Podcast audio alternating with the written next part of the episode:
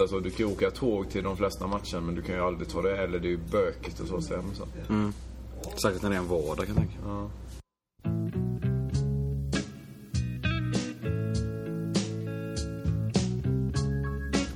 Ja, ska jag börja? ja, det kan vi göra. Eh, Du kan börja med att beskriva dig själv lite. Eh, Vem är Johan Hjelm? Ja, eh, jag är klackledare i, på Östra Stå och medlem i Inferno Örgryte. Eh, Sveriges enda internethuligan var jag väl, men det är jag inte längre. Ska jag, inte, jag har tonat ner mig lite grann. Men jag är väl den enda som blivit avstängd från tennisanläggningen på grund av att jag har figurerat på internet. Så, att, eh, så det är väl det som är i stora drag. Eh, vad skulle du säga att Inferno är?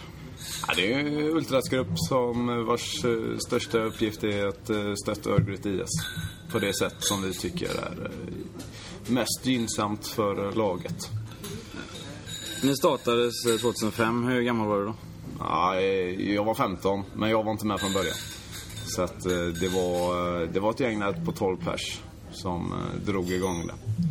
Och sen så satte det sig, eller inte riktigt första säsongen, men det brukar det väl aldrig göra egentligen. Så att, men från 2006 så börjat, började det trumma på riktigt bra. Så då... Inferno det grundades ju också under Ultras 1887, så det var ju först inför 2006 som det bytte namn till Inferno. Så att... Eh, men de, många av de originalmedlemmar, och det är, det är inte så många som är kvar där. Men när gick du med? Jag gick med 2000, inför säsongen 2009 gick jag med. Så jag har inte varit med hela vägen, men jag har varit eh, mer eller mindre delaktig sedan 2006. Jag har åkt med på resor och känt dem sedan dess, om man säger så. Men du är lite av en ledarfigur nu i alla fall. Ja, det har väl blivit så. Men det är mest för att jag är den enda som är offentlig, om man säger så. Som alla, alla har ett ansikte och ett namn på. Så det är, men vi har eh, ingen ledare så, är jag inte. Men, det är, men jag är den som är ansiktet utåt och det är, det är ju så det har blivit med tanke på att jag står på räcket och, och allt sånt. Och folk har lätt att veta, veta vem jag är. Du är en person som hörs ganska mycket och så. Och något jag har reagerat över att är att du alltid... Du har aldrig använt det av en som varit anonym eller så. Är det något du har reflekterat över att du har liksom Ja, jag, varit... det var ju, om man säger det, på klotterplanket började jag väl skriva. Jag hade faktiskt ett sånt, jag kommer inte ihåg vad jag hette. Jag tror jag hade skapat något redan 2002 eller något, när jag var 12-13 år. Eh, då hade jag väl något sånt, typ ÖIS Forever tror jag jag hade.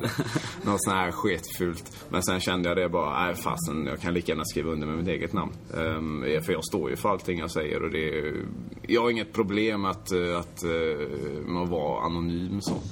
Speciellt som jag tycker saker som jag, jag tycker att eh, bara... Ty, tycker man så som jag så ska man, så ska man stå för det. Då ska man bli, kunna bli konfronterad för det också.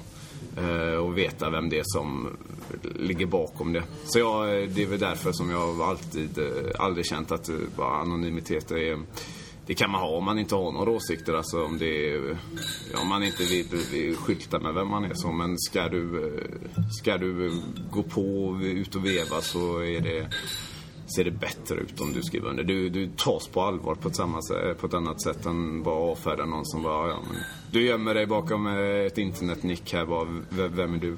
Känner du att du haft en fördel av att vara, vara ärlig med vem du är? Liksom? fördel? Det är att jag har blivit eh, ökänd eller känd eller hur man vill säga att eh, så så sätt så har jag väl haft någon fördel av det. Men det var ju inte någon anledning till, ett, till att jag startade, att jag skulle bli igenkänd så. Ehm, samtidigt så visste jag ju att eh, ja, jag har ju åsikter och jag vet att jag kan uttrycka dem också så att eh, så därför tyckte jag väl bara att det var var rimligt att skriva under med mitt eget namn för jag, jag har inget att skämmas för. Ehm, och sen som en... Men jag har ju tonat ner, jag har slutat skriva och läsa i... Jag, läser ju aldrig på Svenska fans längre, det forumet där. Och jag har slutat skriva också. Jag, jag tycker det är roligt att ta diskussionerna men eh, det är... Jag vet inte, det blir alltid fokus på mig av någon jävla anledning. Och det är mycket sånt att jag... eh, fo- folk, folk tycker det är roligare att diskutera mig än att diskutera sakfrågorna. Och det tröttnade jag på. Och sen så är det ju att man får lite så här personangrepp och bara stämningen blir bedrövlig så att eh, det är väl trevligare när jag inte är kvar även fast det kanske inte är lika innehållsfullt. Men eh, jag tycker det är för att det är bara att sitta där och eh, ja, ägga upp sig på, på en random tjomme som jag aldrig någonsin kommer träffa och som aldrig kommer ge sig till känna. Det är, det är meningslöst. För, att, eh, för det är roligt, det är kanske ingen som någonsin kommit fram på läktaren och sagt någonting. Utan det är ju bara, internet, allting. Alla vet vem jag är, eller de flesta vet vem jag är. De som skriver med mig vet vem jag är. Men det är ingen som, eh, som kommer fram och säger någonting. Utan det enda jag har fått är väl att det är några som har kommit fram och bara, bra, bra jobb på räcket idag och sådana saker. Så att, eh, men det är aldrig någon som har kommit fram och velat diskutera. Jag vet inte, jag kanske ser farlig ut. Jag kan komma tillbaka till det lite senare. Eh, du sa att Inferno är en ultrasgrupp och en ultrasgrupp för många som inte...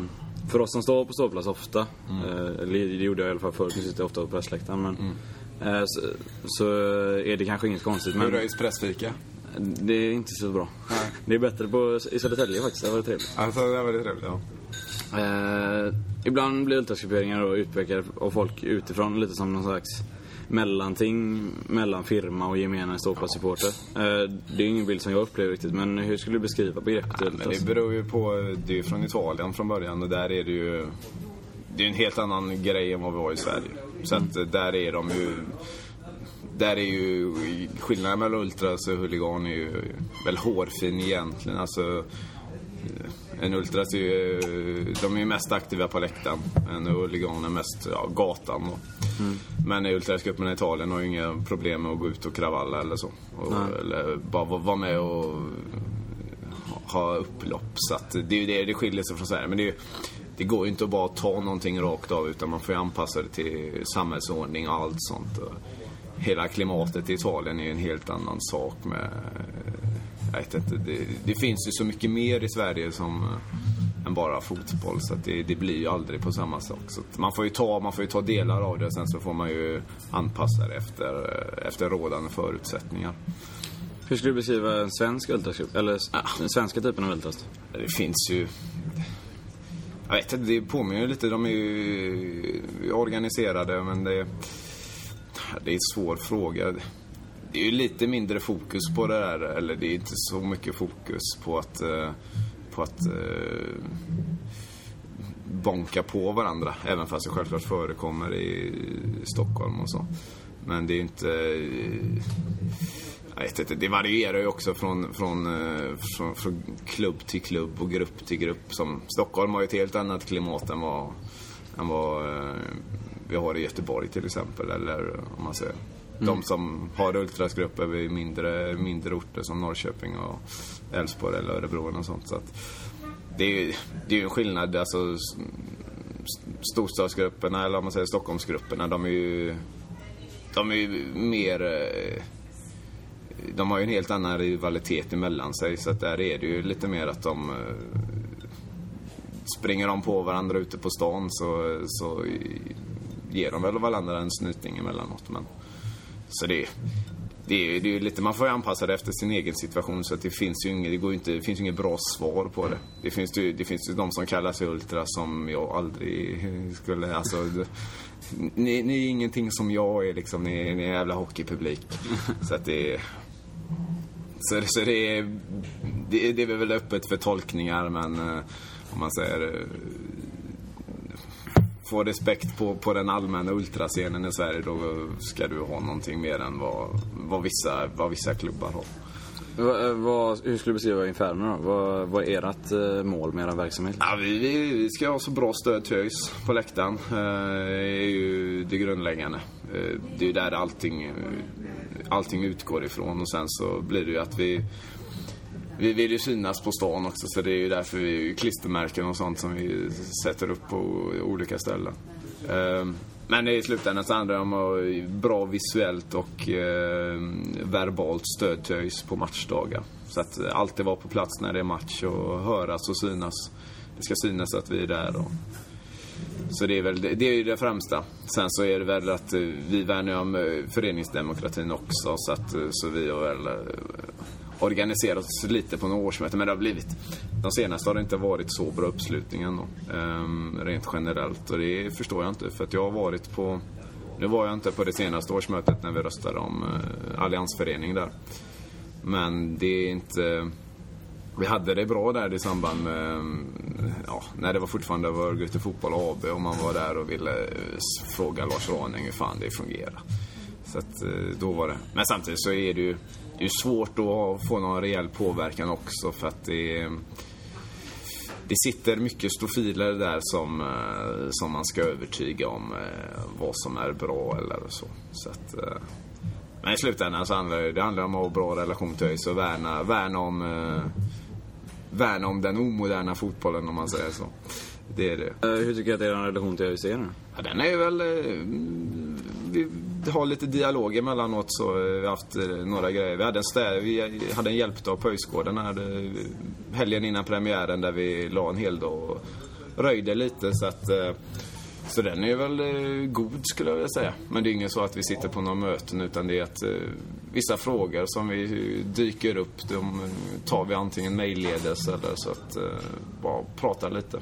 Men eh, har det blivit bättre än senaste ja, åren? vet jag inte. Jo, det har det väl blivit. För att innan så var den väl eh, rätt dålig. Så att det, den har bättre än blivit, helt klart. Eh, men det, det, vi tar det när det blir aktuellt om man säger så. Utan det, det är inte att eh, vi, eh, vi sitter i några samtal så. Utan vi kör, vi kör, vi försöker vara så självständiga som möjligt trots allt. Men ändå ha, eh, det ska gå att prata med dem och det, det går det. Så, att, mm. så vi, vi, vi är nöjda med så som det är. Uh, har du följt Björn Erikssons utredning om fotbollsrelaterade våldet? Ja, det har jag gjort. Vad tycker du om det? Ja, hans eh, remissvar till eh, regeringen var ju, eh, det var ju bra för då tog ju upp problematiken med det hela. Och sen, men den utredningen var ju inte bra enligt regeringen för den svarade inte, gav ju inte det svaret på frågan de vill ha. Kommer ju han Bo Svensson. Har du läst den? Ja, jag, ja, jag har inte läst den. Jag har bara läst utdrag från, som skrivits på Twitter. Men då fick de ju ett helt annat svar var med det, det var, ju, det var ju om i fotbolls AB, men då är det ju alltså... Det är... Jag vet inte. Det är, Björn Eriksson, han, han gav ett bra intryck i början med sitt remissvar angående pyrozoner och sånt. Men, men sen... Sen så... Jag vet inte. Han, det verkade lovande, men nu är han ju lika urspårad som alla andra. Så det är en farlig människa att ha egentligen. Varför? Alltså han... Eh, han satt i en Sveriges Radio-intervju och jämförde ultrasgrupper med, med MC-gängens eh, hangaround-grupper och sa att ja, de är hangarounds till firman och det, det blir ju inte mer felaktigt än så uttalade att det var farligt. Alltså sitta där och ändå vara någon, eh, vara någon slags, jag vet inte, utnämnd expert på området och ha så dålig koll. Det är bara Nej, fan, lägg ner verksamheten. Hur ska man komma till, eh, till rätta med de problemen som ändå finns på vissa ställen i Sverige? Jag vet inte. Det är svårt. Det är ju en... Uh... Ja, sen vet jag inte om problemen är så stora egentligen. Det är ju... Men i slutändan, det är ju en polisfråga egentligen. Det är ju... Så är det ju alltså att de säger att de goda krafterna ska gå in och styra upp och sen så Sen så kommer eh, några medier och bara, de som är med i filmerna, de är grovt kriminella. Ja, men ska jag gå upp mot dem då? Någon som, någon som är potentiell bankrånare där och stå upp mot honom eller?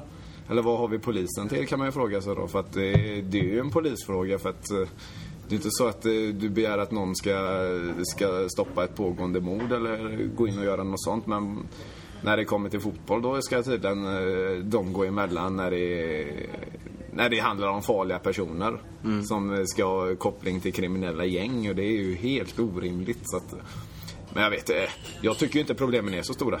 Det är ju mediaskriverier, allting. Alltså det mesta av det. Det är ju mm, som under, eh, när Swedish House Mafia spelade på Friends Arena så på en kväll så var det lika många polisärenden som det var på Superettan och Allsvenska säsongen samma år.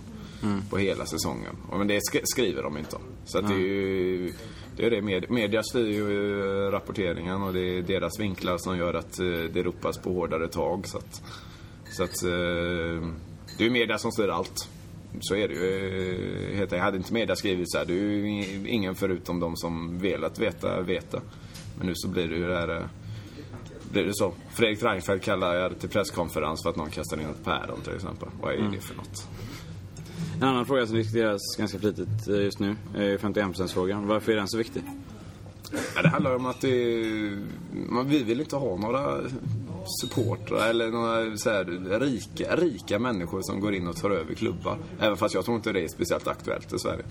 Även fast jag vet att Ron, jag, eh, Lars Raning har eh, hävdat att ja, Stefan Persson i H&M's ägare. Han hade gått in med miljarder i Djurgården om han hade fått styra, styra klubben också. Och det, jag vet inte om jag tror på det. Men eh, det handlar om att eh, svensk fotboll har varit eh, demokratisk, eller svensk idrott har varit demokratisk längre än vad Sverige, Sverige som nation har varit demokratiskt. Så att, eh, och det är helt rimligt att det ska vara en, en röst, en medlem. Och det, det, det blir ju inte så när eh, någon kan gå in och äga allting. För det, det är trots allt medlemmarnas klubbar så att det, det är en ren principfråga egentligen. Eh, Var tror du vi är på väg då?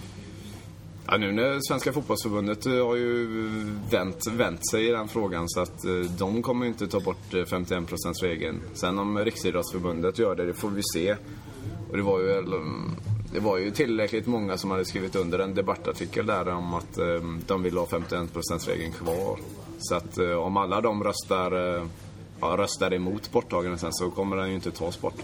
Sen får man se om det är några som vänder eftersom eh, Riksidrottsförbundets utredning eh, som de tog fram. Hon, hon rekommenderade ju att eh, det skulle tas bort. Så att eh, om någon eh, går på den linjen istället. Men jag vet inte. Jag, det är orimligt, eller orimligt är det ju inte för att det är, finns ju folk till allt överallt. Så att, eh, men eh, sidan som är för att behålla 51%-regeln har ju kört över motståndarsidan fullständigt för de har ju bara ihåliga argument. Eh, Det var ganska få som har ställt upp på den andra sidan. Eller som, som syns utåt i alla fall. Ja, men det, det är väl för att de har blivit... Eh, de har försökt driva igenom det, det är det tysta. Det är ju så det har fungerat. Så att det, det, är ju- det har ju smutslat med det för att de vet att de inte har... eh, Som fotbollsförbundet som tyckte att eh, de ville ha det, men de, de har ju inte klubbarnas stöd bevisligen. Och då kan de ju inte, kan de inte driva sin linje i, ute i ljuset utan att eh, utan att få en eh, storm emot sig. Så det är ju därför. Så det är ju, det är ju så illa skött det är det ju också. Så att, eh, bara det är ju anledningen till att ha kvar den om ren princip. För att eh, de försöker driva igenom någonting utan att lägga alla korten på bordet. Och trots att de inte egentligen har mandat för det även fast Även fast fotbollsförbundets uppbyggnad är väldigt rörig med distrikt och 3000 klubbar och sånt som har röstberättigande. Men man säger de som i slutändan berörs i elitklubbarna så var det ju Svensk elitfotboll var ju, sa ju nej till att ta bort 51%-regeln. Så att, Och det har väl också medfört att eh, förbundet har svängt i frågan. För att eh, de inte har stödet eh, från det. De Vad tror du hade hänt om vi hade slumpat, eller slopat 51%-regeln? Jag Hur vet många inte. tror du det finns ägare nog? Ja, jag vet inte. Det är väl... Är inte så många klubbar. Några klubbar har ju röstat in egna säkerheter i, eh, i sina stadgar där. Att det måste tvåårsmöten och eh, två tredjedelars majoritet för att, det, för att man ska kunna släppa de där 51 procenten då. Så det är ju, där har man ju säkrat upp det för att behålla det inom sin egen klubb. Men eh, de som inte har gjort det, jag vet inte vad som hade hänt. Min det är en svår fråga. Är det någon som är intresserad? Det är väl det. Det är därför jag också... Nej, det känns inte som att det finns någon, någon, någon, någon som hade velat på något sätt riktigt. Det har väl blivit något halvhjärtat där kanske, men det, det, det är ingen shake som hade velat komma in där. Nej. Så att, eh, men det är säkerligen hade varit någon som eh, med gott om pengar som bara, ah, nu ska jag, eh, kan jag äga en fotbollsklubb och bestämma helt över den. Så att, men det är ju inte den fotbollen man vill ha för att eh, jag vill inte ha den. Jag, jag, jag avskyr ju lag som Chelsea och City och PSG och det är, det är vidriga klubbar och jag önskar dem ju inget gott i, någonsin. För att det, deras ägandeform är ju deras eh, bara ja, köp, köpa sig till allting och fansen har inget att säga till om.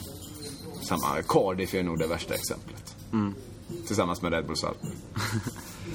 Nej, det, du har pratat lite om media och så, men eh, är det inte så att, eller min uppfattning i alla fall, är att det har blivit en lite större förståelse för supportrar och supporterkultur från media nu än vad det var för några år sedan med liksom journalister som, som kommer från en supporterbakgrund som eh, Erik Niva, Simon Bank och Alltså som inte är, kommer från fotbollslagen utan mer från, från en supporterbakgrund. Ja, men de är ju bara tyckare. Det är ju, de skriver ju lite... De har ju såna så att de får ju skriva lite vad de känner för. Men sen, den allmänna rapporteringen speglar ju inte deras rapportering. Eh, med tanke på att eh, ett inkastat päron blir en eh, första nyhet på, på alla, alla mediesajter och så. så att, eh, och det är ju det som, det lockar ju folk att läsa och det lockar ju folk att rasa och då ropar man på hårdare tag och så gör Fredrik Reinfeldt en presskonferens i slutändan.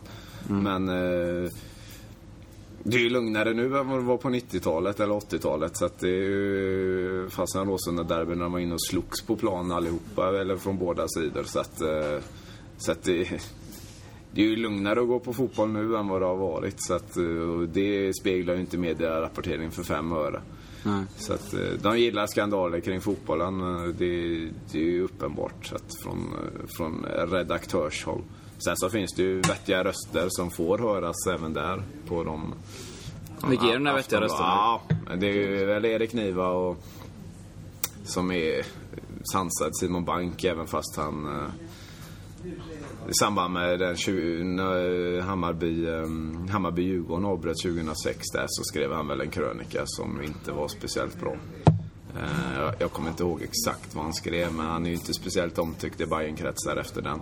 Och jag, jag läste, jag såg en facsimil här, här om veckan på den artikeln men jag kommer inte ihåg exakt vad som stod.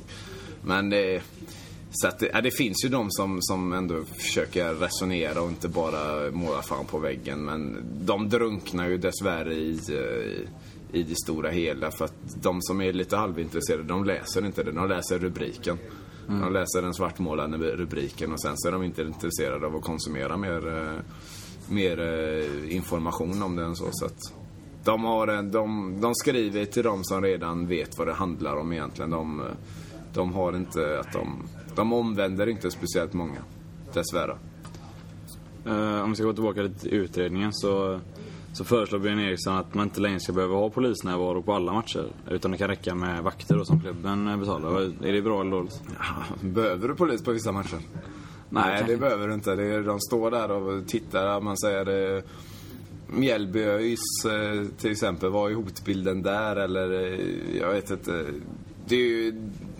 Det är, när vi mötte Jönköping i en... Ehm, i eh, träningsmatch förra året. Ja, förra året var det i Jönköping. Då var det, då var det, jag vet inte, det var tio poliser där och det var, eh, jag vet inte vad det kan vara. 15 aktiva ÖIS-supportrar och, eh, och så var väl Jönköping hade väl 20, 30, 40 pers där. Men, eh, och det har de tio poliser till att bevaka. Så det kan man fråga sig, vad, vad är prioriteringarna? Finns det inte brott att lösa? För att det är, i nio fall av tio så händer inte någonting på, på en match som, som liksom eh, kräver polisingripande. Så att eh, det är obegripligt. Är det att det är poliser på alla matcher. Och de gör ingen skillnad. Det enda de gör är att de skapade skapar en viss frustration. Tycker jag. För att de, de behövs inte vara där men ändå så är de där. Och det är, det är inget annat än ett hån mot, eh, mot alla andra som blir utsatta för riktiga brott som, som de inte har tid till att lösa. Samtidigt som de lägger poliser på att bara stå och titta och eh, dricka kaffe och äta kakor. Eh, en annan punkt är att maskeringsförbud ska gälla även fotbollsarenor. Är det något ni påverkas av? Nej, det är ju också en sån... Jag ogillar speciallagar rent generellt. Alltså, det ska vara... Det ska inte stiftas speciallagar som, som är för en viss grupp människor. Alltså, det är... Och, men var drar man gränsen då? Är en maskot, han blir väl maskerad då? Eller är det någon som på grund av religiösa skäl har en heltäckande kropps, kroppsdräkt? Går det under maskeringsförbudet? Så att det hela är ju... Sen kan jag förstå att de vill komma åt det. Det är klart de vill det, men att eh, rent, rent generellt eller rent, Jag tycker det är rent principiellt är för jävligt.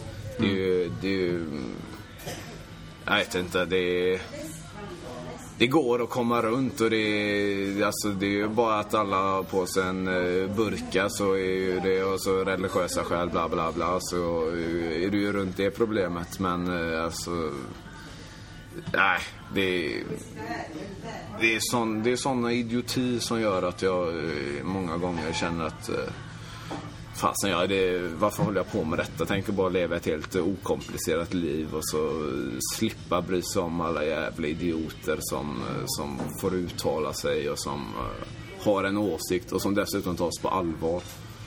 Så att, eh, nej, maskeringsförbud det gillar jag inte. Det är, det är fel är det. Det är bara fel att, uh, att man ska att man ska ha det bara för sakens skull. Alltså, visst, om någon försöker dölja sitt ansikte när han begår ett brott så ja, visst, det kan jag väl köpa. Men att ha det bara eh, stå på läktaren med en, eh, med en halsduk över ansiktet, liksom, det, det ser jag inte något problem med.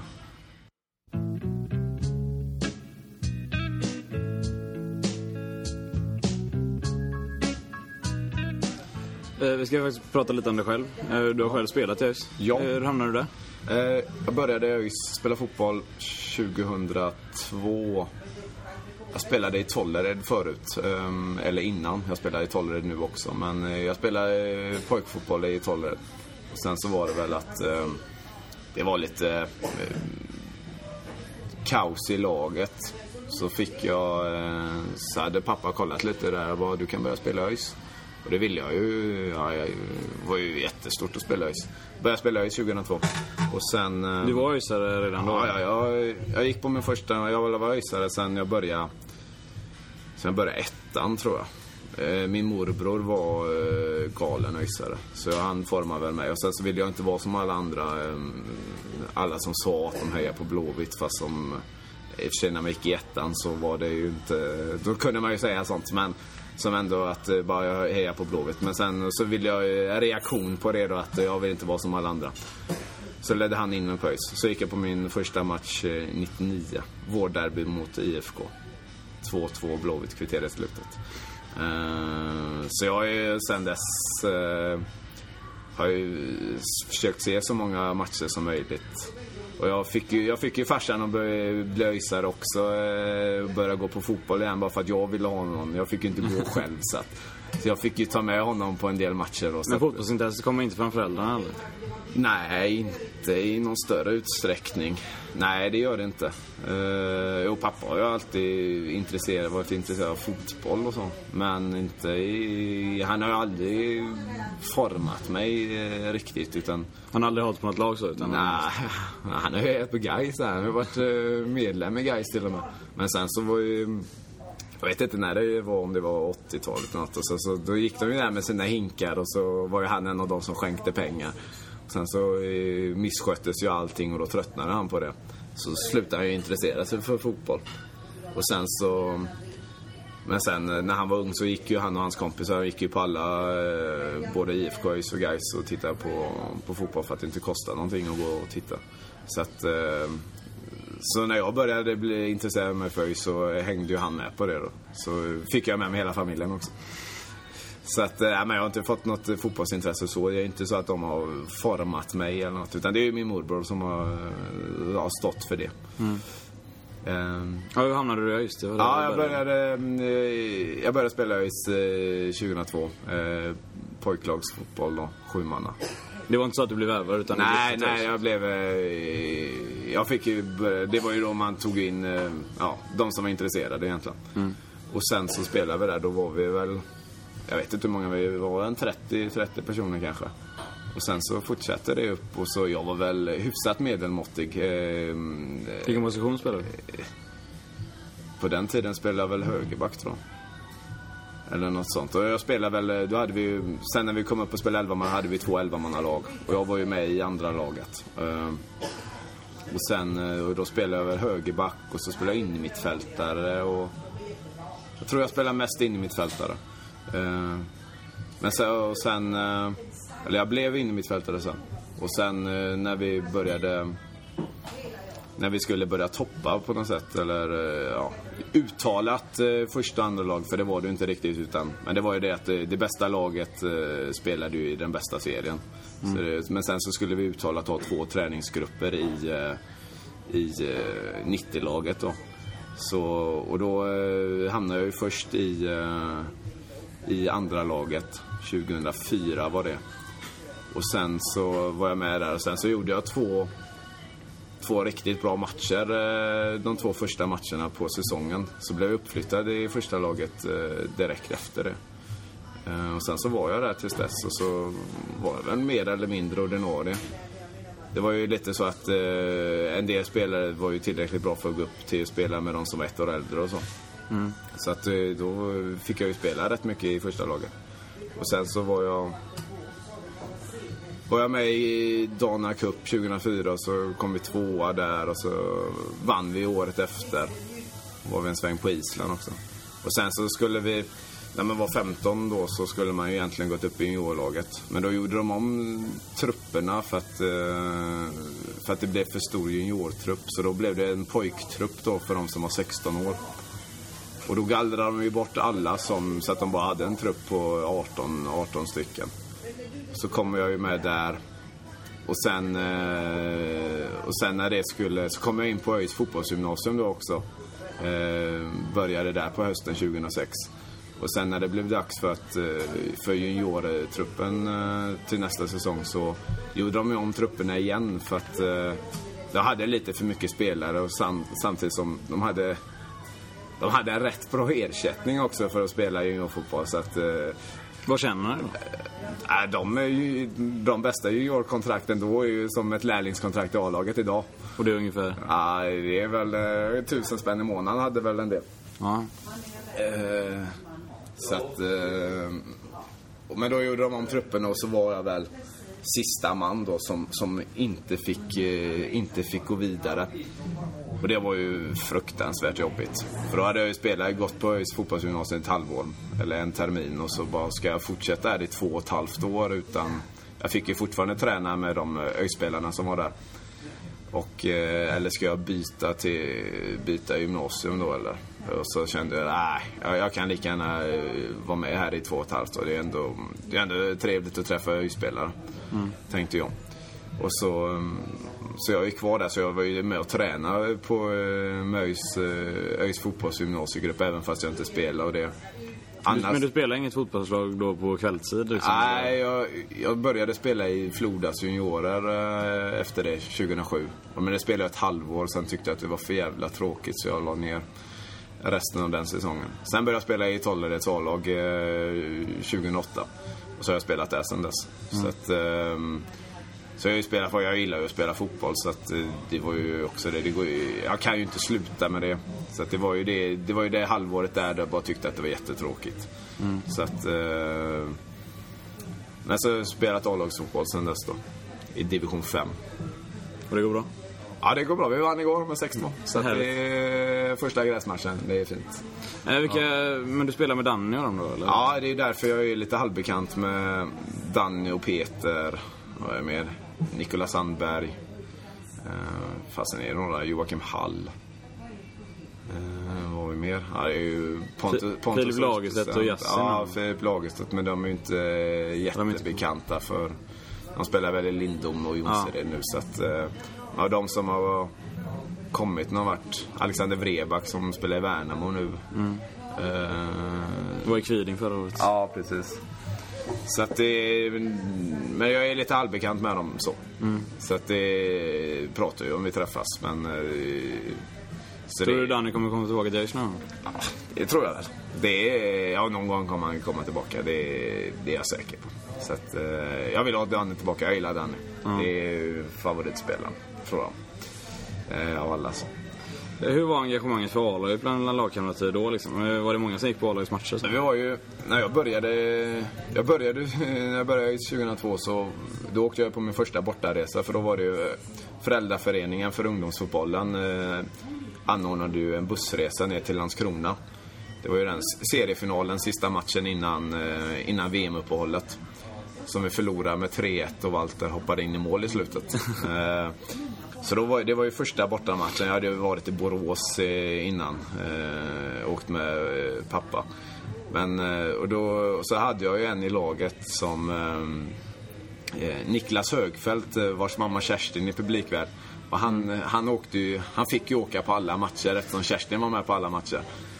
Så då var det ju att eh, åkte jag på så första, första resan som jag gjorde själv om man säger eller eh, med supporterbussen. Det var sista matchen 2002 när vi åkte till Örebro. Och sen 2003 så började jag och Niklas eh, hänga mer med varandra. Så då fick jag ju, så åkte jag med honom på rätt mycket matcher. Eftersom Kerstin alltid var med så tyckte mina föräldrar, då, då är det någon som, eh, du är i goda händer är du. Så att, eh, så då hade jag, jag hade ju både, då hade jag både resesällskap och målsman med mig på den matchen då. Så att, eh, och sen, så det är därför som jag har sett så mycket matcher som jag har gjort. Så är det redan sedan 2003 egentligen då jag, jag såg, jag missade väl fem matcher den säsongen tror jag. Fick pappa att köra upp till Sundsvall för att hälsa på sin faster bara för att jag skulle spela i Sundsvall eh, den helgen. Så att, eh, så det, så det, det, det var väldigt tur för annars hade det nog eh, jag vet inte hur det hade sett ut annars, men det, det är jag ju tacksam för. För att det har ju gjort att jag har sett så mycket matcher som jag kunnat göra även fast, även fast jag inte varit myndig och så. Men var det många av dina lagkamrater som åkte på bortamatch och så? Ja, vi var ett... Det var jag och Niklas, vi åkte ju på de flesta. Eh, sen så var det Niklas Albeck, eh, Marcus Albecks kusin. Han spelade ju också i laget. Och han åkte ju också på en del matcher då. I början. Så vi, vi, vi tre åkte på ett gäng och sen så var det väl några som åkte ibland eh, på bortamatcher. Men annars så var det ju, de flesta gick ju på hemmamatchen och de var ju öjsare. Många bodde i Örgryte och så, så att det var, det var många som stod i klacken ändå. Så att det, det var, fanns ju ett engagemang för ÖIS. Eh, även fast jag inte sett så många av dem längre. Men eh, på den tiden så då, då gick de ju på matcherna. Då var det, då var det ÖISare som spelade i, i pojklaget. I alla fall i mitt lag och så. så att det, jag, tycker inte man, jag tycker inte man ser jättemånga ungdomsspelarna nu, eh, i alla fall inte i Klacke. Nej, Eh, Har det- det förändrats? Eller? Ja, det borde det väl ha gjort. Eller... Jag vet inte Jag vad vet inte om det är kan- något du har reagerat men jag har tänkt Ja, på det. jag är också. Det är klart att, eller jag har inte tänkt på det så, men nu när du säger det så eh, det, det är ju färre så att eh, vi var ju ett gäng där på en 6-7 personer som gick på matcherna och stod tillsammans så att eh, men det ser man ju inte längre så att ja, jag vet inte om det men det känns som att förankringen till Örgryte, för då var det många som bodde i Örgryte som, som liksom, vi spelar fotboll och då spelar vi ÖIS och då hejar vi på ÖIS också. Så att, Men det, ja, det, det är svårt att svara på. Det är, det är för dåligt jobb av tränarna kan jag tycka. Ja, kanske. Ja, Eh, har klubben ett ansvar där liksom att fostra spelarna kanske lite mer? ja det tycker jag absolut. Men det är ju det man vill ha. Man vill ha spelare som ändå bygger upp ett hjärta för föreningen även i unga ålder. Så att, det tycker jag alltså Lite mild indoktrinering, eh, det har jag inget, ser jag inget fel i. Alltså, eh, ge dem fribiljetter till, till matcherna så att de ändå bygger upp ett intresse. För det är ju, det är ju gynnsamt på sikt. Dels att det blir spelare som, som förstår vad det betyder om det är någon som händelsevis tar sig upp i A-laget sen. Men även för att du, du bygger ju en, eh, en fanbase. Använder jag det vidare ordet nu? Ja. En supportergrund bygger du på det. Så att det, det, det är ju bra för återväxten i klacken eller ja, rent generellt bara skapa ett större intresse.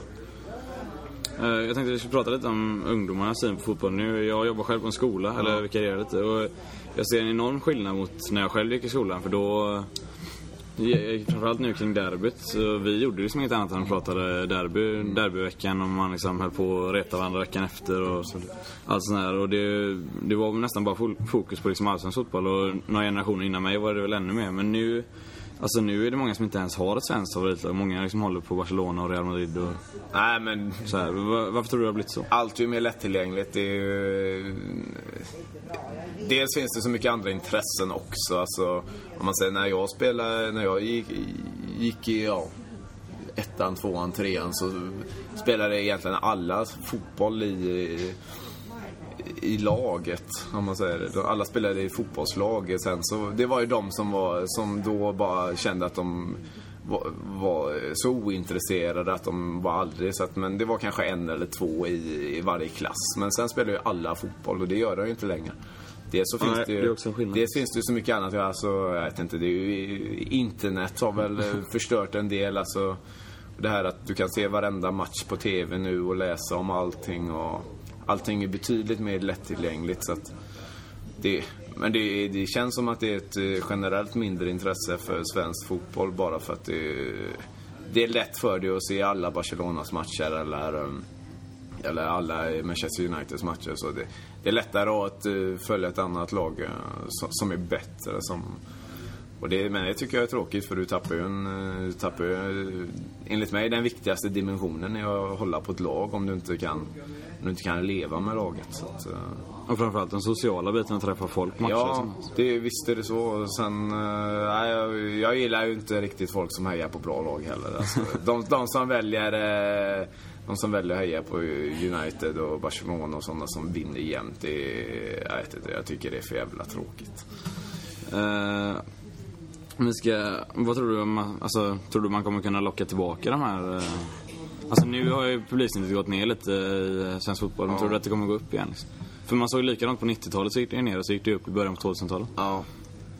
Jag vet inte, det är väl svårt. eh, Dels är väl mediabilden att det är farligt att gå på fotboll kanske avskräcker många.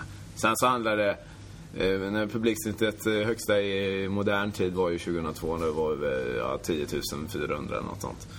Och det var ju då det var derbyfeber i Göteborg och det var välfyllda Stockholmsderbyn och, och Malmö gick bra och så. så att, för- Ska det generella publiksnittet gå upp så måste de, de lagen som drar folk eh, gå bra. De måste eh, AIK, Malmö, IFK, eh, Elfsborg i viss mån. Eh, Fast i början på 2000-talet gick ju Blåvitt ganska dåligt. Ja, men det var ändå någon derby-hype kring det ändå. Det, det hjälpte ju till att dra upp snittet även fast Blåvitt, eh, Blåvitt som lag inte var någon vidare. Så det var ju en helt annan hype kring fotbollen då. Och den, den hypen skapar ju inte nu, alltså... Jag vet inte om det kommer, det kommer vara... Nej. Det... Det du kan få är att du får en mer, de som är där, de är där för att de är mer engagerade. Så att du får en mer engagerad publik. Och jag föredrar en mer engagerad publik framför massa döda själar som, som går och tittar på ett evenemang. För de, de kan gå och titta på Real Madrid, eh, Manchester United på Ullevi i sommar och eh, se sina idoler. Eller, eller lika gärna gå på Monster Tracken. Så att, eh, för egen del så bryr jag mig inte om publiksnittet. Jag vill ha bra publik snarare än att jag vill ha mycket publik.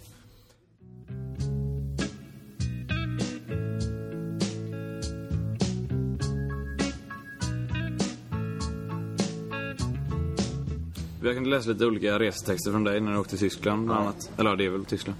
Eh, där du liksom sett och analyserat olika klackars insatser i matcherna. Är du mer intresserad av att se, liksom, när du åker utomlands, se folk som tittar på fotboll? Än, Ja, jag är inte intresserad av spelet så. Alltså, jag väljer ju tysk division 3-fotboll framför Premier League alla dagar i veckan. Eh, så att, eh, och mina resmål har ju varit...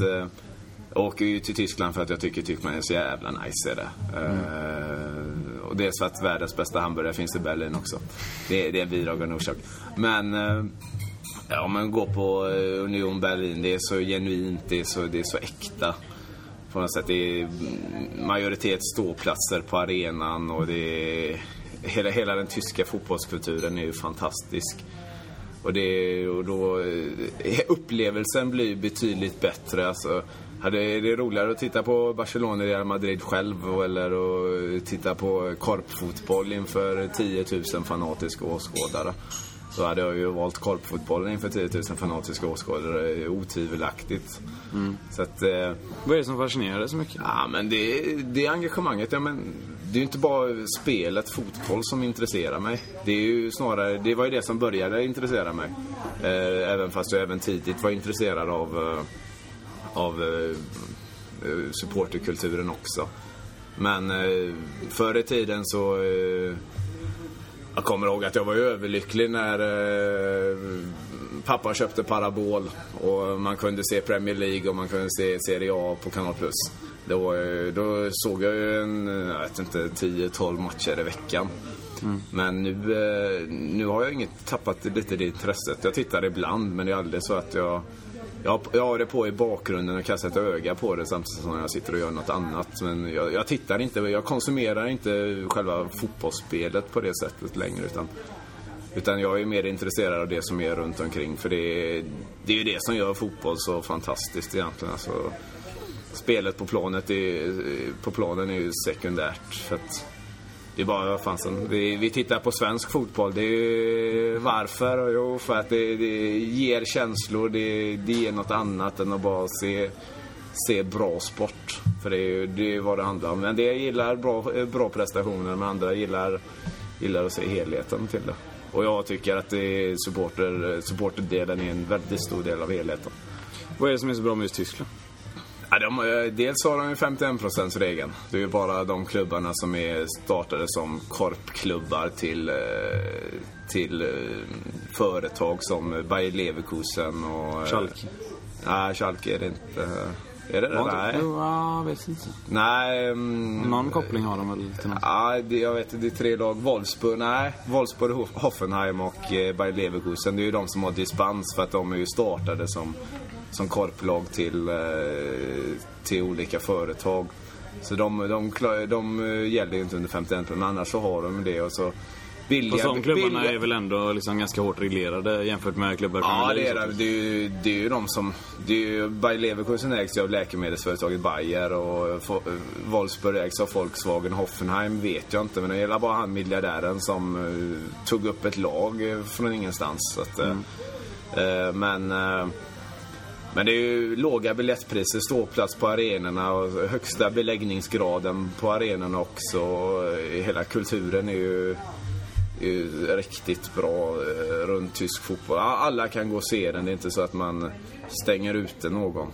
För som man gör i till exempel Premier League när, när eh, det kostar tusen, tusen kronor att gå på, gå på en match. Så att, och 50% av publiken byts ut från en match till en annan för att det är turister som är på genomresa. Så, att, så det är, det är mer, betydligt mer genuint och de har lyckats behålla, behålla sin supporterkultur. Vilket England inte har lyckats med med tanke på att de har tagit bort ståplats och all-seater arenor och stewardess som kastar ut folk som står upp och så. så att, eh, Nej, Tyskland är ju det, kvalitet på fotbollen också. Det är, det är en helhet där alltså. Det, ro, rolig fotboll tillsammans med en riktigt bra upplevelse. Italien är ändå lite ultraskulpturens vagga. Varför har det inte blivit några resor dit? Ja, det vet jag inte egentligen. Eh, dels så är det många som... Eh, de har gått rätt hårt åt grupperna i Italien så att det är många som inte... Som inte kommer åt och bedriva sin verksamhet som de gjorde för tio år sedan kanske. Eh, tidigare än så. Så att det, det är till exempel det är att man ska ha bortareselegitimation vilket gör att bortasupportrar har problem att se matcherna. Och, jag vet anledningen till att jag inte åkt till Italien är väl att eh, jag är väl inte lika intresserad av hela den biten. Eh, Även fast det är ultrakulturens vagga om man säger så. Men jag tycker ju den tyska ultraskulturen är ju, eh, intresserar mig aningen mer än vad den italienska gör. Så att det, det är därför som jag föredrar att åka till Tyskland. Eh, men det kommer säkert... Jag har ju en lista på, på matcher och sånt så jag vill se. Så jag kommer väl bita av, beta av Italien i sinom tid också. Så. Vilka matcher som är kvar på den listan? Oj, det är ju många matcher som jag vill se där. Eh, jag vill ju se, jag vill se ett Istanbul-derby vill jag se. Det hade ju varit något, något riktigt. Men annars så handlar det om... Det som står närmast nu det är att åka ner och se Dynamo Dresden, för det har jag inte hunnit göra. Jag har sett dem borta mot, eh, när de spelar borta mot Union Berlin, men eh, se Dresden hemma, det har varit eh, riktigt roligt. Men eh, vi får se, det ska ju gå ihop med tid. Som, så. Men den här säsongen har jag inte hunnit åka ner en enda gång och det är, det är lite tråkigt för att eh, förra, förra säsongen var jag nere två gånger och såg fem matcher. Så att eh, det, men det har jag inte hunnit med i år, så man får se. Men du har, inga, du har inga favoritlag som du följer där nere liksom? Nej, jag gillar ju de lagen som jag tycker har eh, roliga, roliga läktare om man säger så. så att, Men det är inte så att du håller på något Nej, det är inte, jag, jag sympatiserar med tyska lag ute i Europa gör jag, bara för att det är tyska lag. Ehm, och, så att, men jag, jag har inget favoritlag så. Om du ska åka och titta på svenska lag som med samma inställning som Tysklandsresorna, vilka lag blir det då? Jag har ju varit och sett. Förra säsongen var jag och tittade på, var jag uppe på eh, AIK Djurgården. Jag var på AIKs, AIK Poznan var jag på. Och så åkte jag och kollade på AIK Malmö sista matchen, eller sista allsvenska matchen på Råsunda. Och sen så var jag uppe, även uppe och såg Hammarby Varberg. Eh, ja, det var eh, ganska exakt ett år sedan. Så Den att, som eh, skrev som är offside den matchen. Ja, det kanske det gjorde. Ja, det gjorde den nog. Ja, det läste jag. Ehm, så att eh, då är, åka till Stockholm eller Malmö är det ju man ska göra. Men nu vet jag inte om AIK, eh, Friends Arena där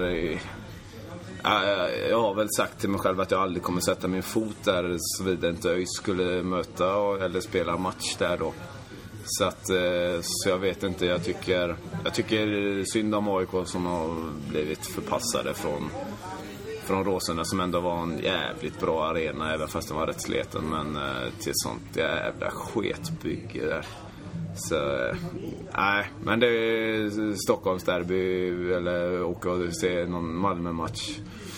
Det, det är väl det som jag hade åkt. Men jag har inte... Jag har inget sånt intresse av att åka och titta svensk fotboll eh, egentligen. Det blev förra året eh, då det var ändå sista matchen på Råsunda och sista Sista, AIK sista hemmaderby på Råsunda och så AIK Les Poznan som eh, är roligt att se Poznan också. Så att, eh, så att, men det är inte... Men om jag, om jag någon gång skulle... Nu, nu har jag ju bara åkt till, eh, till Stockholm för att titta på fotboll så jag har aldrig varit i Stockholm utan att titta på fotboll. Så om jag någon gång skulle ha vägarna förbi Stockholm så skulle jag ju tajmat in det med någon match i alla fall. Så att, eh, för att ge lite mer värde till att åka till den stan. Hur står sig Sverige liksom i konkurrensen? Eh, Ja, är- Kanske inte sett till publiksiffror men sett till liksom drag på läktarna och sånt.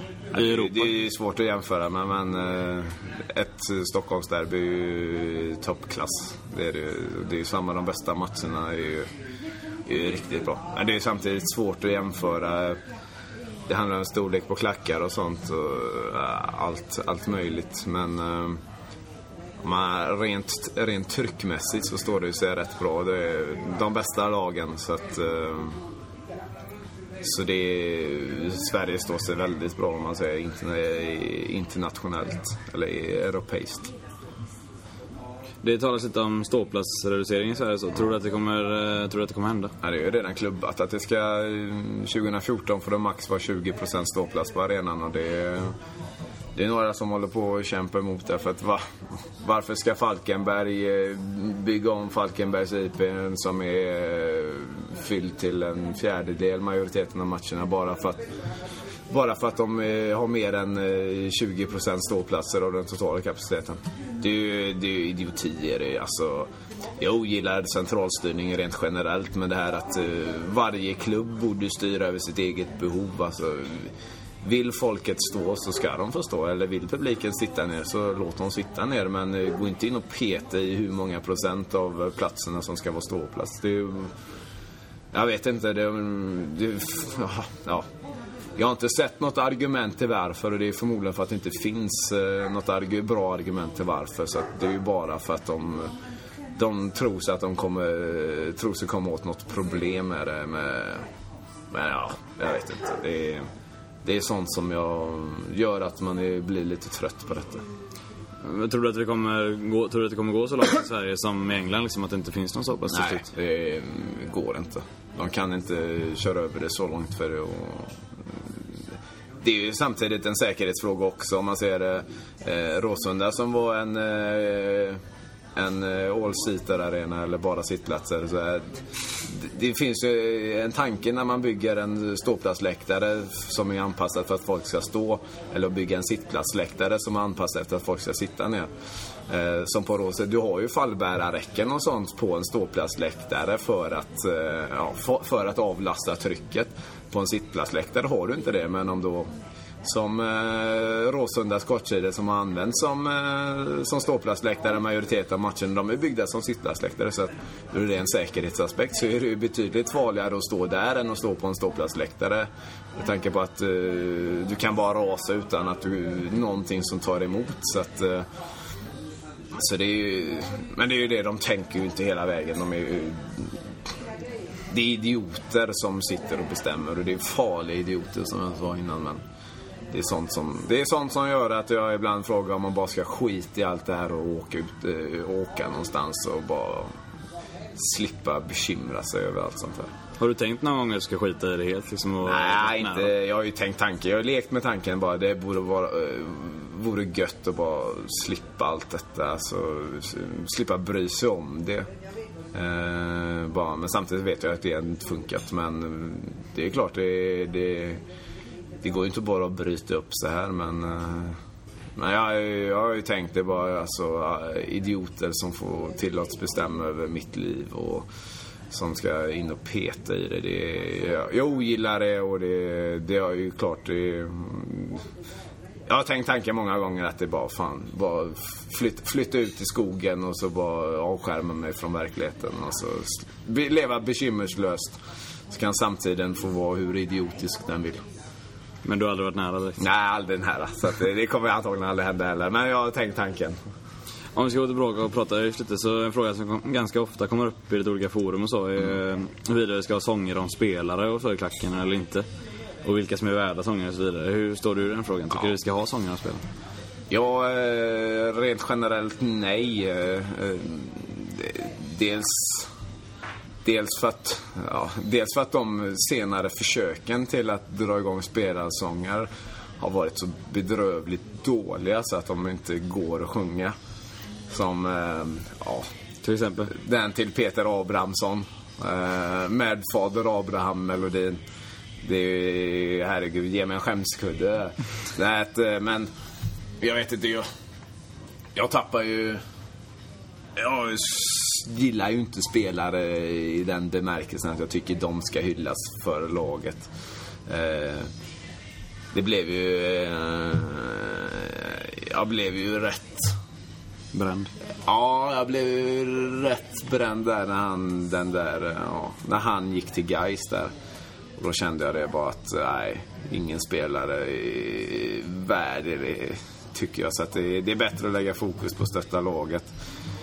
Men det som jag tycker är mest intressant var, men hylla den spelaren, gör en sång till den spelaren. Ja, ja, varsågod, varsågod. Jag kommer, jag kommer antagligen inte sjunga med, men jag kommer inte säga åt dig att hålla tyst om du gör det.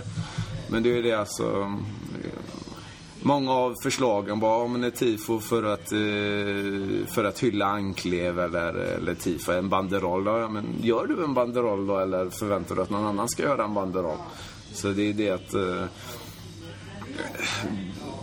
eh, idé, idéer som de inte själva är intresserade av att genomföra utan de tror att någon annan ska genomföra. Det, då blir det inget gjort heller för att... Eh, Men det är fritt fram om man vill? Ja, det är fritt fram. Vi stoppar ju ingen så. Sen att vi inte, antagligen inte kommer sjunga med eller att eh, liksom, aktivt supporta det. Men eh, vi kommer inte aktivt motarbeta det i alla fall. Annan än att de som sjunger, sjunger. De som inte vill ha det, sjunger inte. Och jag kommer aldrig starta det från räcket. Eh, tror jag inte. Eh. Rent hypotetiskt då, vad hade man börjat göra som spelare för att förtjäna en sån? Ja, det, det alltså... Eh, jag tycker vi har...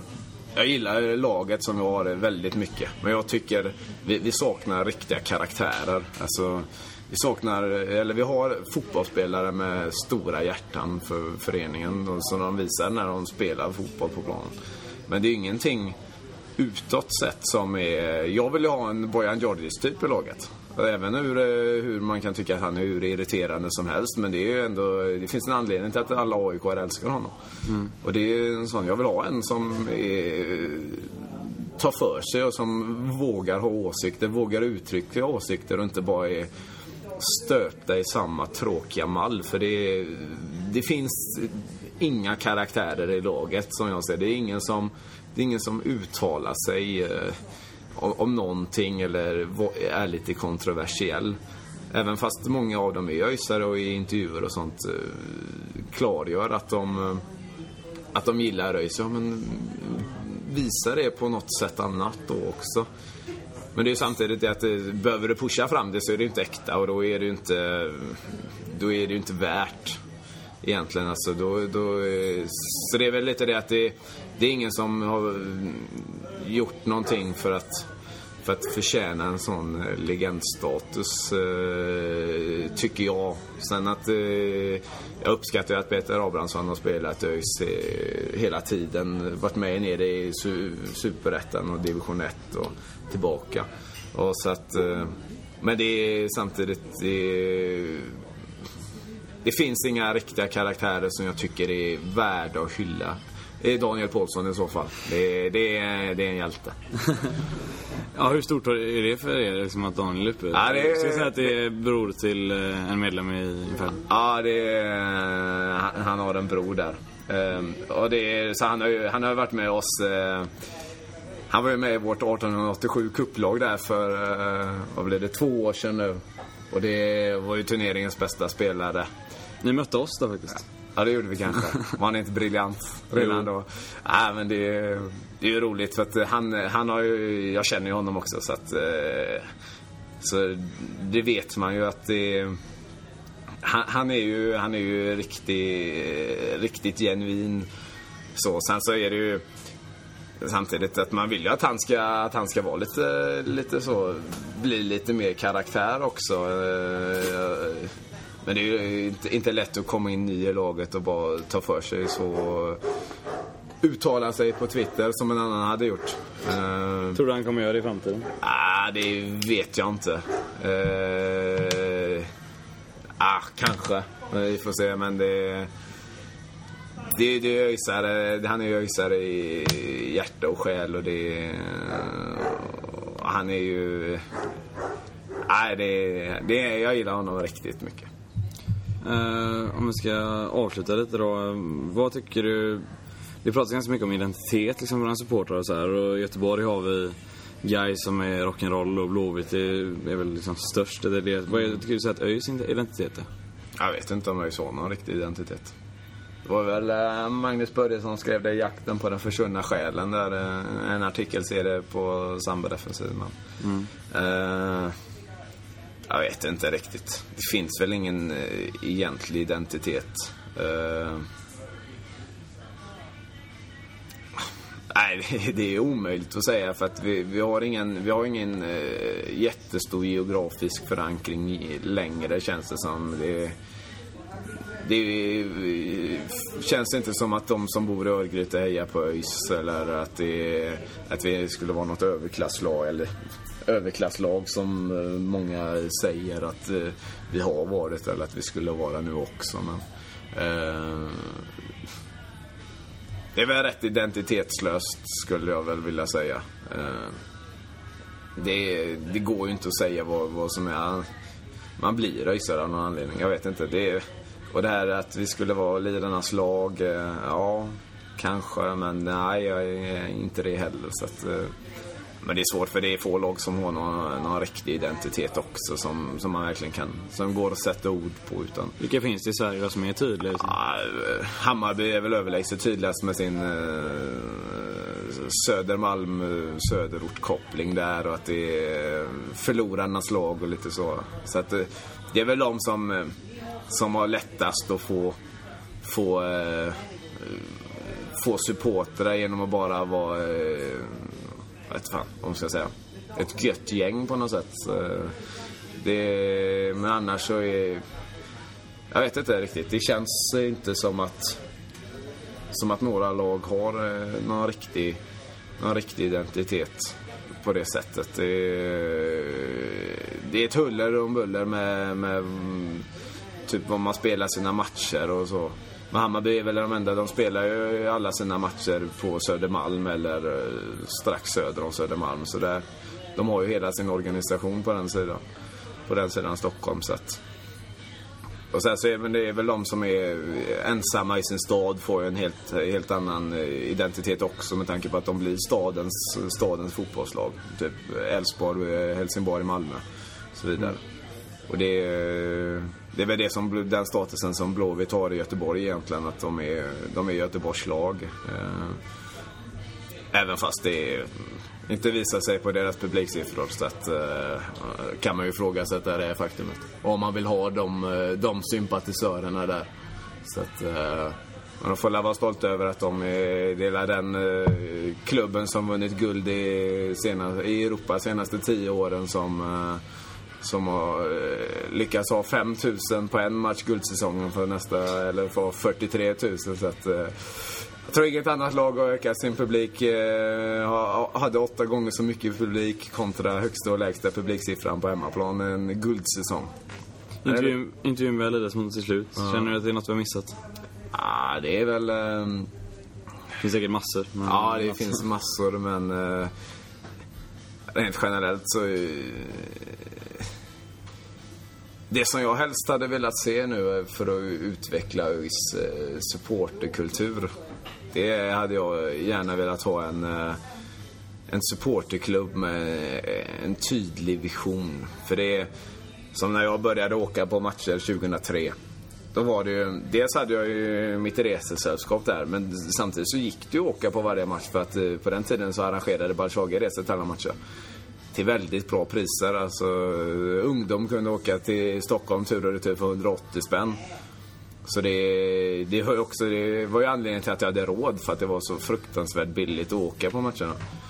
Men det, de har ju, jag vet inte, de har tappat fokus från, från att vara någonting som, eh, som stöttar ÖIS i den bemärkelsen. Alltså, Ja, visst, nu har de väl skärpt till sig sina resor något under våren men de är ju fortfarande väldigt dåliga på den fronten.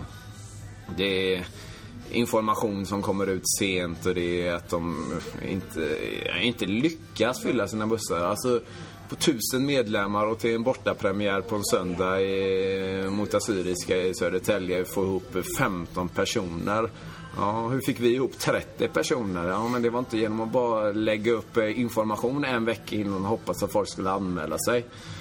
Så att, eh, och det är ju också det för att samtidigt som klacken har blivit betydligt bättre sen den har blivit bättre sen eh, vi åkte ner egentligen. Vi har aldrig varit så bra som vi har varit. Så det är väl det, är det som har medfört det bästa. Men vi är fortfarande väldigt få på bortaplan. Och det är ju delvis för att eh, Baldurshage inte, inte tar sitt ansvar att uh, få folk att åka på bortamatcher. Det är, det är reklam på storbild och det är kanske någon speaker som gör ett utrop i högtalarsystemet men inget annat. Så att, det, och det behövs för att eh, det, det skapar ett engagemang. Hade inte jag börjat åka på bortamatcher så tidigt så hade jag ju aldrig, hade jag ju aldrig varit av den åsikten att jag hellre spelar bortamatcher än hemmamatcher. För att eh, bortamatcher är så mycket roligare. Kan ni vara en potentiell eh, nästa gäst för oss? Kanske Mattias Andersson från Baldersson? Ja, det tycker jag verkligen. Ställa honom mot väggen lite grann. Få honom att svettas. uh, nej, det, det är väl hur de tänker för att uh, nu har jag inte någon insyn och jag har väl försökt att prata med dem lite grann men... Eh, men de... De tar väl ingen hänsyn till mig och det ska de inte göra heller för jag är inte medlem och jag kommer aldrig bli medlem så att... Eh, men samtidigt så är det Jag tycker att man som supporterklubb har ett ansvar. Speciellt när man är en av Sveriges största supporterklubbar om allt det vad det innebär med ekonomiska förutsättningar och så vidare. Och då, då ska man kunna göra det bättre än vad, äh, än vad Balshagi gör. Och det... Det... De är... De, de bidrar inte med någonting till... Om jag ska tala för eh, mig som medlem i Inferno nu så... Vi, vi har ingen nytta av Baldershag överhuvudtaget egentligen. Eh, de gör ingenting för klackverksamheten och de är, gör egentligen ingenting för borta klackverksamheten heller. Så att för egen del så eh, vi, vi, hade ju, vi hade ju kunnat bedriva vår verksamhet och vår verksamhet eller vårt mål med vår verksamhet hade inte påverkats överhuvudtaget om Baldeshag inte, inte hade funnits överhuvudtaget. Eh, samtidigt tycker jag att de ska finnas men de, de bidrar inte med någonting till det som vi har som mål med att stötta ÖIS så maximalt som det bara går. Du försöker få ett snack med Mattias nästa gång? Ja, det tycker jag. tack så jättemycket. Ja, tack för att jag fick komma.